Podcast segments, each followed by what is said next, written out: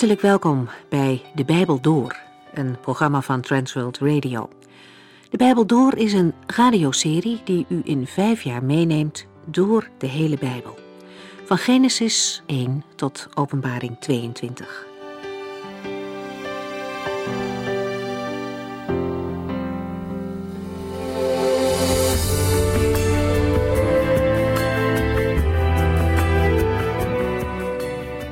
Vandaag gaan we voor de laatste keer naar het boek Hooglied. We lezen ook de laatste hoofdstukken, maar gaan eerst nog even terug naar hoofdstuk 5. Dat opent met een droom van de bruid, waarin zij opnieuw haar bruidegom zoekt. De bruiloft moet nog komen en de bruidegom klopt aan. Maar zij heeft geen zin meer om open te doen. Zij heeft zich al klaargemaakt voor de nacht. Als de bruidegom zijn hand echter door een opening in de deur steekt, wordt de bruid toch onrustig. Ze besluit toch maar open te doen. Maar het is te laat, hij is weg. De bruidegom dringt zich niet ongevraagd op. En de bruid staat nu op en gaat naar buiten om hem te zoeken. Ze is radeloos. Ze roept zijn naam, maar ze vindt hem niet. De wachters in de stad mishandelen haar. En dan roept ze de meisjes in Jeruzalem dringend op om haar te helpen. Als jullie mijn liefste zien, vertel hem dan dat mijn liefde voor hem mij te veel wordt. Van haar eerdere onverschilligheid is niets meer over. De meisjes vragen haar wat er dan toch zo bijzonder is aan haar geliefde. En de vrouw antwoordt met een gepassioneerd gedicht, waarin ze de schoonheid van haar bruidegom van zijn hoofd tot aan zijn voeten beschrijft. Je haalt hem er zo tussenuit, al zijn er tienduizend mannen bij elkaar, zegt ze. In oud-Oosterse literatuur zijn beschrijvingsliederen van een man over een vrouw niet ongewoon. En toch komt het zelden voor dat een vrouw een man beschrijft, zoals dat in Hooglied 5 gebeurt. Deze bruid is vol van haar bruidegom en niets is met hem te vergelijken. En dat geldt ook voor de Heer Jezus Christus. Zijn liefde en zijn schoonheid is veel meer dan alles wat er op de wereld te vinden is. Zoals de bruid in Hooglied beschrijft hoe geweldig haar bruidegom is, zo mogen wij anderen vertellen waarom de Heer Jezus zo bijzonder is voor ons. We gaan verder met Hooglied 6.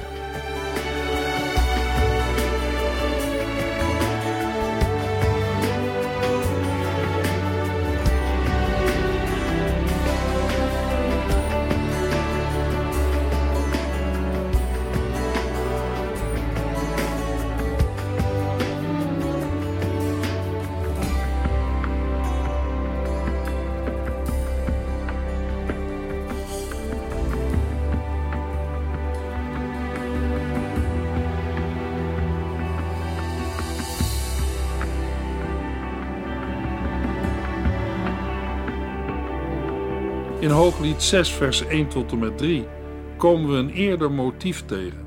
De bruid zoekt haar geliefde. De meisjes van Jeruzalem richten zich met een dubbele vraag tot de bruid. Hooglied 6, vers 1. Allermooiste onder de vrouwen, waar is uw liefste dan heen gegaan? Weet u niet waar hij naartoe is? Wij willen best samen met u gaan zoeken. Hiermee reageren zij op haar beschrijving in Hooglied 5 en bieden aan hem samen te gaan zoeken. De meisjes van Jeruzalem wekken in Hooglied 6 de indruk nu zelf ook de bezongen schoonheid van de bruidegom te willen zien. De bruid beantwoordt de gestelde vragen. Hooglied 6, vers 2 en 3. Mijn liefste is naar zijn tuin gegaan. Hij geniet van de geurende kruiden en plukt er lelies voor zijn plezier. Ik ben van mijn liefste en mijn liefste behoort mij toe. Hij houdt ervan tussen de lelies te wandelen. De bruid heeft nagedacht over de bruidegom en zijn liefde voor haar. Zij ontdekt dat hij nooit afwezig was. In beeldende taal meldt de bruid dat hij is afgedaald naar zijn eigen tuin. Voor de woorden mijn liefste is naar zijn tuin gegaan, staat in het Hebreeuws: Mijn liefste is naar zijn tuin afgedaald. Een tuin lag veelal op lager gelegen gebied, in verband met de bevloeiing door een rivier of beek, terwijl de steden bij voorkeur hoger lagen. De genoemde bezigheden spreken van de liefde van de bruidegom voor de bruid. De bruidegom gaat door zijn tuin grazend als een weidend dier en, als eigenaar, plukt hij er lelies. Zo komt hij naar haar toe om zijn liefde tot uitdrukking te brengen. Hierbij aansluitend meldt de bruid de innige verbondenheid met haar bruidegom en het besef dat ze elkaar volledig toebehoren. Duidelijk stelt de bruid, ondanks haar uitingen van zijn afwezigheid, ik ben van mijn liefste en mijn liefste behoort mij toe. Inhoudelijk doet vers 3 ook denken aan de verbondsrelatie tussen de Heer en het volk Israël. Daarnaast denk ik ook aan de woorden van de Heere in Lucas 9, vers 35. De Heere zegt dat als wij naar zijn Zoon willen luisteren, wij niet verloren zullen gaan, maar eeuwig leven zullen ontvangen. Luistert u naar de Heer Jezus? Dat blijkt uit uw levenswandel. Nadat de bruidegom is verschenen, volgt in Hooglied 6, vers 4 tot en met 7, vers 9 een uitgebreide beschrijving van zijn geliefde. Daarna spreekt de bruidegom zijn verlangen naar haar uit. Hooglied 6, vers 4 tot en met 10. Mijn allerliefste, wat ben je mooi. Je lijkt op de stad Tirza en bent bekoorlijk als Jeruzalem zelf. Er gaat kracht en sterkte van je uit. Kijk niet zo naar mij, je ogen brengen mij in verwarring. Je haar lijkt op een deinende kudde geiten die neerdaalt langs de hellingen van de Gilead. Je tanden zijn zo prachtig glanzend en wit, stralend en regelmatig lachen zij mij tegemoet. Door je sluier heen kan ik je slapen zien aan weerszijden van je voorhoofd. Ze zijn zo fraai. Er zijn zestig koninginnen en tachtig bijvrouwen. Bovendien zijn er talloze jonge meisjes aan het hof, maar mijn allerliefste is uniek. Ze is volmaakt en prachtig om te zien. Ze is haar moeders enige dochter. Die is dan ook heel gelukkig met haar. Jonge meisjes benijden haar. Koninginnen en bijvrouwen spreken vriendelijk en waarderend over haar. Wie is zij toch? vragen ze zich af. Zij heeft de schoonheid van een nieuwe morgen, de zuiverheid van de lichtende maan en straalt als het zonlicht zelf. Er gaat kracht en sterkte van haar uit. Bewonderend beschrijft de bruidegom de schoonheden die hij in zijn bruid heeft ontdekt. Hierbij verwoordt hij ook zijn groeiende verlangen naar haar.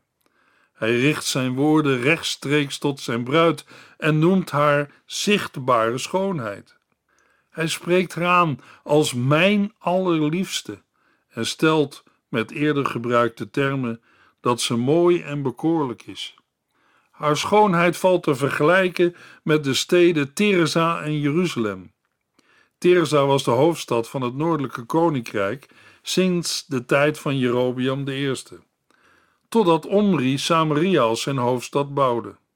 De schoonheid van Jeruzalem wordt ook in andere Bijbelboeken bezongen. Het beeld spreekt van herkenbaarheid, strijdvaardigheid en overwinning. Ook de ogen van de bruid boezemen ontzag in.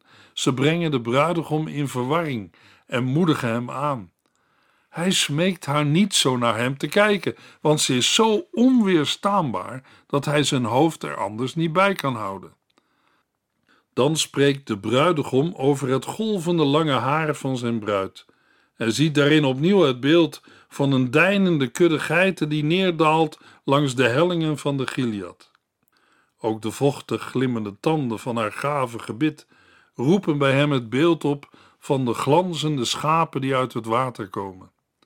Als zijn ogen verder over haar gezicht glijden, ziet hij door de sluier heen haar rode gekleurde wangen, die hem doen denken aan de felle kleur van een schijfje granaatappel. De bruidegom maakt duidelijk dat zijn bewondering voor haar onveranderd is en ze altijd de mooiste voor hem blijft. Ze is onvergelijkbaar te midden van tientallen koninginnen, bijvrouwen en jonge meisjes aan het hof. Bij de genoemde getallen is er weinig reden om aan feitelijke aantallen te denken. In 1 Koningen 11 vers 3 worden grotere aantallen genoemd. Ook mede vanwege het poëtische karakter van het Bijbelboek Hooglied. De bruid is voor de bruidegom beter en mooier dan alle andere vrouwen. Vers 8 wordt aangevoerd als bewijs dat Hooglied gaat over een liefdesgeschiedenis van Salomo. Koning Salomo had immers veel vrouwen en bijvrouwen, maar het is ook mogelijk vers 8 op te vatten als een algemene vergelijking tussen de bruid en de mooiste en voornaamste vrouwen in het land. Hij beschreef haar eerder als zonder enig gebrek, en nu noemt hij haar liefdevol mijn allerliefste. Hiermee duidt de bruidegom op haar persoonlijkheid. Alles wat zij is en heeft, is volmaakt in zijn ogen. Hij staat erin niet alleen. Ook haar moeder, de jonge meisjes, koninginnen en bijvrouwen prijzen haar. Het Hebreeuwse werkwoord voor gelukkig prijzen wordt ook wel vertaald met zegenen. Op grond van het voorafgaande vers zijn het waarschijnlijk de hofdames die het woord nemen en met ontzag de vraag stellen: wie is zij toch? De bewondering voor de indrukwekkende schoonheid van de bruid blijkt uit de vergelijking met de nieuwe morgen en de hemellichamen zon en maan. Ze worden beschreven als neerkijkend vanuit hun hoge positie, stralend als een nieuwe morgen en het zonlicht zelf en zuiver als een lichtende maan. De bruid is onzagwekkend en imposant. Er gaat kracht en sterkte van haar uit. Hooglied 6, vers 11 en 12. Ik ging naar de notengaard en keek uit over de bloesems in het dal. Ik keek of de druivenstruik al uitliep en of de granaatappelbomen groeiden. Ik ben helemaal van slag. Op een wagen van de koning werd ik meegenomen. Vers 11 en 12 zijn uitermate lastig uit te leggen. Geen enkele uitlegger biedt een overtuigende interpretatie. De algemene tendens van de zinnen is dat de bruidegom of de bruid woorden van verlangen spreekt en dat de bruid een bijzondere positie heeft. De zinnen staan in de eerste persoon enkelvoud en kunnen zowel aan de bruidegom als aan de bruid toegeschreven worden. De spreker zegt naar de notenhof te zijn afgedaald om daar vandaan de jonge planten in de vallei te bekijken en te zien of de wijnstok en de granaatappelbomen al uitlopen of groeien. Het bekijken van jong groen en bloesems duidt op verwachting, niet op tuinwerkzaamheden. In Hooglied geeft het aan: de tijd van de liefde is nu aangebroken. Een plotselinge verandering treedt op in vers 12 met de uitroep: Ik ben helemaal van slag. Deze woorden kunnen op grond van het vervolg van de bruid zijn, maar het kan ook uitdrukken dat nu de bruidegom koning naast zijn koningin bruid zijn koninklijke wagen heeft beklommen. Hij buiten zichzelf van geluk is, hij is helemaal van slag. Hooglied 6, vers 13. Dans, meisje uit Sulem, dans heen en weer, zodat wij u goed kunnen bekijken. Waarom wilt u naar dat meisje uit Sulem kijken alsof zij een parade loopt? Het gedeelte opent met een oproep. Een verder niet te identificeren sprekersgroep roept het meisje uit Sulem op te dansen, zodat zij kan worden bekeken. Zij werd mogelijk op een wagen van de koning meegenomen en daarom klinkt dit verzoek. Waarschijnlijk beantwoordt de bruidegom de tot de bruid gerichte oproep. Hij zegt: Waarom wilt u naar dat meisje uit Sulem kijken alsof zij een parade loopt? De bruidegom lijkt al te begeerige blikken af te wijzen. Zijn antwoord laat in ieder geval zien dat de schoonheid van zijn bruid door allen wordt gezien.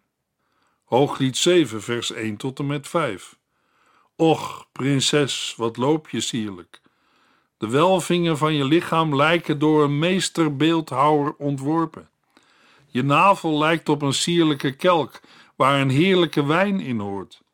Je buik lijkt op een schoof tarwe, versierd met lelies. Je borsten zijn zo mooi als twee jongen van de gazellen. Je hals rijst als een ivoren toren op en je ogen lijken op de diep glanzende vijvers van Gesbon, die bij de poort Bat Rabbim liggen. Je neus is zo fraai als de toren van de Libanon die over de stad Damascus uitziet. Je hoofd steekt vier omhoog als de berg Karmel en je haar glanst koperrood. De koning kijkt er geboeid naar. De bruidegom beschrijft zijn bruid vanaf haar voeten tot haar hoofd. In tegenstelling tot Hooglied 4, waar hij haar beschrijft vanaf haar gezicht tot aan haar borsten. De bruidegom noemt verschillende lichaamsdelen van zijn bruid, maar benadrukt ook haar uitstraling, bekoring en kracht. Hij begint met haar sierlijke loop. Haar houding is als die van een koningsdochter. Van haar voeten gaan zijn ogen naar de contouren van haar welgevormde heupen, die hij vergelijkt met het ontwerp van een meesterbeeldhouwer. Daarna glijdt zijn bewonderende blik langs haar middel en beschrijft hij haar navel als een fraai bewerkte sierlijke kelk, waarin de wijn niet mag ontbreken. Wijn en tarwe komen hier voor in verband met het lichaam van de bruid. Tarwe hoort tot het basisvoedsel in het oude Israël. De wijn duidt in hooglied op genot en vreugde van de liefde. Daarna beschrijft de bruidegom de borsten van zijn bruid, net als in hooglied 4 vers 5, als twee jonge gazellen die grazen in een veld vol lelies. Vervolgens beschrijft hij hals, ogen en neus van de bruid, waarbij hij een viertal namen gebruikt waarvan de meeste bekend zijn. Haar hals vergelijkt hij met een ivoren toren. Het beeld spreekt van statigheid, kracht en elegantie. In haar ogen ziet hij de vijvers van Gesbon, waarschijnlijk vanwege hun schittering en diepte. Haar neus vergelijkt hij met de onbekende toren van de Libanon. Dichtelijk spreekt dit van sterkte, vastberaden zijn en van een opvallende schoonheid. Van het gezicht richt de bewonderende blik zich nu op het hoofd van de bruid. Hierin vindt de bruidegom een gelijkenis met de veelgeroemde berg de Karmel en duidt het op de van de Heer ontvangen statigheid en schoonheid van zijn bruid. De rijke begroeiing van de Karmel brengt hem op de parallelle vergelijking van haar wilderig neerhangende haardos. De koning kijkt geboeid naar die koperrode lokken. Hooglied 7, vers 6 tot en met 9. Wat is de liefde heerlijk, heerlijker dan alle andere dingen waarnaar men kan verlangen. Je slanke lichaam lijkt op een dadelpalm, waaraan de borsten als dadeltrossen bloeien. Ik zei dat ik die palmboom wilde beklimmen en de trossen ervan plukken wilde. Je borsten lijken op rijpe druiventrossen. De geur van je adem doet mij denken aan de geur van appels. Je gehemelte is heerlijker dan de beste wijn. Laat die wijn naar mijn liefste toevloeien, zodat hij hem slapend kan drinken. Na de algemenere beschrijving laat de man zijn verlangen naar zijn bruid blijken. Hij vat haar schoonheid samen en verwoordt wat zij voor hem is. Daarna zingt hij haar toe dat haar gestalte op een palmboom lijkt, en daarmee doelt hij op haar aantrekkelijke en sierlijke figuur. De bruidegom vergelijkt haar borsten met trossen aan de dadelpalm, waarmee hij mogelijk op de ronde vorm van de dadeltrossen doelt. De beschrijving gaat over in een uiting van wilskracht en gevoelens. In een sprekende beschrijving verwoordt de bruidegom zijn verlangen naar de boezem van zijn bruid en het zoete genot van de geur van haar kussen. In het slot van zijn lied verwoordt de bruidegom dat hij het verlangen van zijn bruid wil vervullen. Abrupt onderbreekt de bruid hem in beurtzang en vult zijn woorden compact en cryptisch aan. Laat die wijn naar mijn liefste toevloeien, zodat hij hem slapend kan drinken. Hooglied 7, vers 10 tot en met 13. Ik behoor toe aan mijn liefste. Ik verlang naar hem. Kom, mijn liefste, laten we samen het veld ingaan en overnachten in een van de dorpen. Of laten we heel vroeg de wijngaard ingaan en kijken of de wijnstok al uitlopen, of de knoppen al openspringen en de granaatappelbomen al bloeien. Daar zal ik mij aan je geven. Ik ruik de geur van de liefdesappels en overal groeien de heerlijkste vruchten. Mijn liefste, ik heb ze voor jou bewaard. De bruid vervolgt haar hartstochtelijke antwoord op de lovende woorden van haar bruidegom. Zij nodigt hem uit samen de nacht door te brengen in de vrije natuur tussen de geurende bloemen, daar waar de wijnstokken en de granaatappels bloeien. Wil zij hem haar liefde schenken? Zo reageert zij op de verlangens van haar bruidegom en man. In de vierde cyclus wordt, meer dan op andere plaatsen, de heftigheid van de liefde beschreven. Na de heftige vierde cyclus vertoont de vijfde meer bezinning. De tekst begint met verlangende woorden van de bruid. Hooglied 7, vers 13 tot en met 8, vers 4. Ik ruik de geur van de liefdesappels en overal groeien de heerlijkste vruchten. Mijn liefste, ik heb ze voor jou bewaard. Ach, was je maar een broer van mij, gezoogd door dezelfde moeder als ik. Als ik je dan buiten ontmoette, kon ik je zomaar kussen. Niemand zou dat vreemd vinden. Dan kon ik je gewoon naar mijn moeders huis brengen, naar het huis van haar die mij alles leerde. Ik zou je heerlijke wijn aanbieden, jonge wijn van mijn granaatappels. Mijn hoofd ligt op zijn linkerarm en met zijn rechterarm omarmt hij mij. Meisjes van Jeruzalem, ik zeg het jullie met nadruk. Waarom willen jullie vooruitlopen op de liefde en haar overhaasten als de tijd daarvoor nog niet is aangebroken? De natuursfeer van de voorafgaande verse is ook hier aanwezig, maar nu meer in een huiselijke omgeving. De bruid gaat verder met het uitspreken van woorden van verlangen gericht tot haar geliefde. In haar fantasie ziet ze hem als een broer, die nauwe familieband zou maken dat ze hem onbevangen en openlijk kon kussen. Mensen zullen geen aanstoot nemen aan broer en zus die elkaar in het openbaar kussen en genieten van een hechte band. Aan het slot klinkt opnieuw de bezwerende oproep gericht tot de meisjes van Jeruzalem. Hooglied 8, vers 5 tot en met 7 bevat het inhoudelijke en theologische hoogtepunt van het Bijbelboek Hooglied. Wie komt daar uit de woestijn aanlopen, ondersteund door haar liefste? Onder de appelboom heb ik je gewekt. Daar heeft je moeder je ontvangen. Ze heeft jou gebaard.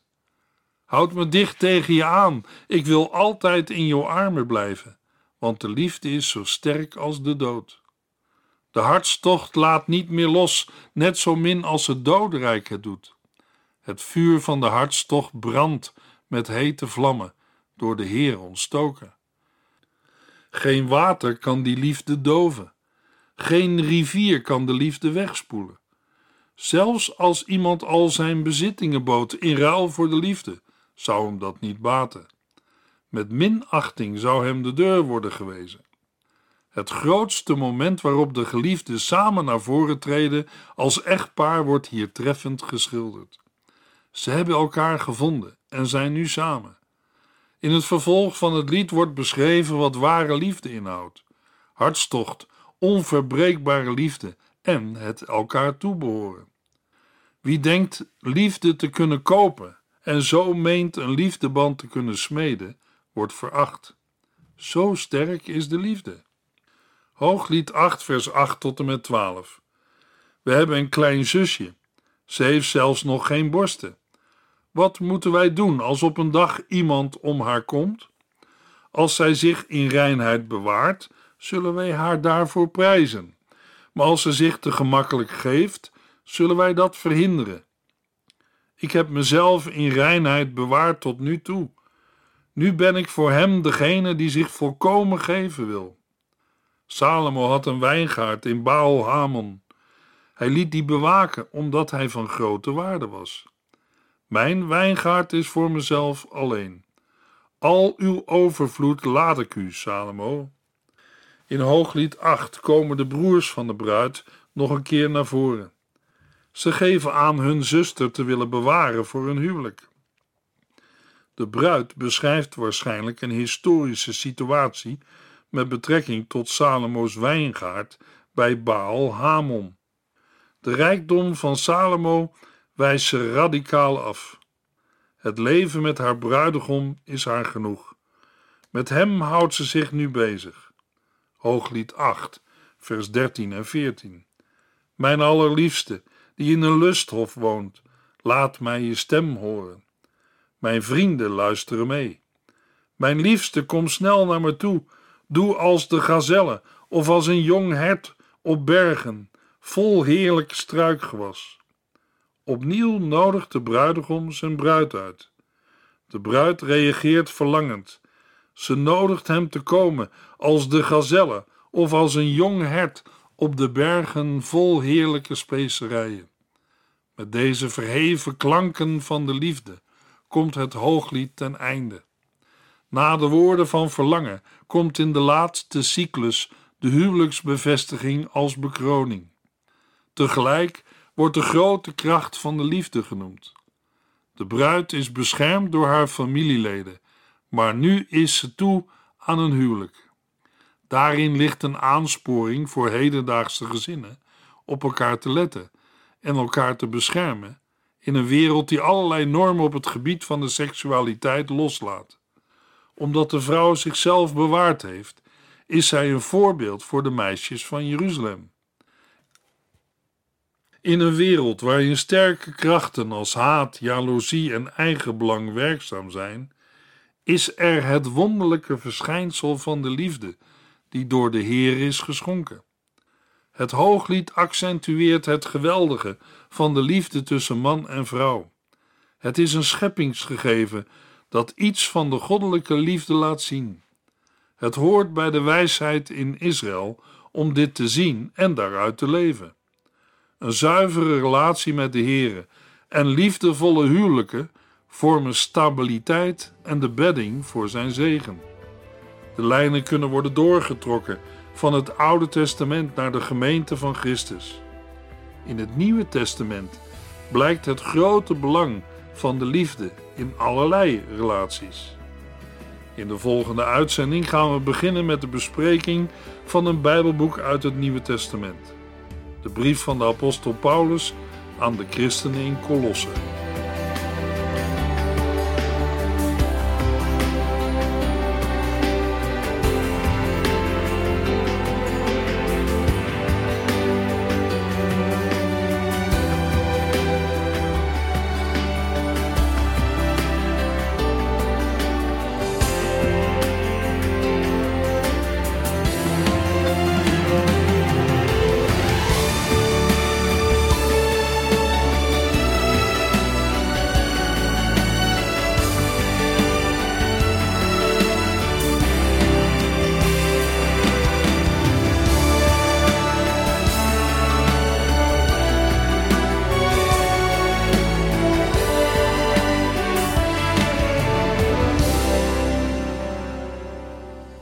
Geluisterd naar De Bijbel Door. In het Nederlands vertaald en bewerkt door Transworld Radio. Een programma waarin we in vijf jaar tijd de hele Bijbel doorgaan. Als u wilt reageren op deze uitzending of u heeft vragen, dan kunt u contact met ons opnemen. Tijdens kantooruren kunt u bellen op 0342 47 8432. 0342 47 8432. 32. Ook kunt u een e-mail sturen naar de Bijbel door transworldradio.nl en natuurlijk kunt u ook via de post ons bereiken. TWR, postbus 371, postcode 3770, AJ in Barneveld. Dit programma werd gepresenteerd door Cor Weda en Ike André. Techniek was in handen van Odin van Woerdekom. En wij allemaal bedanken u voor het luisteren. Graag tot de volgende keer.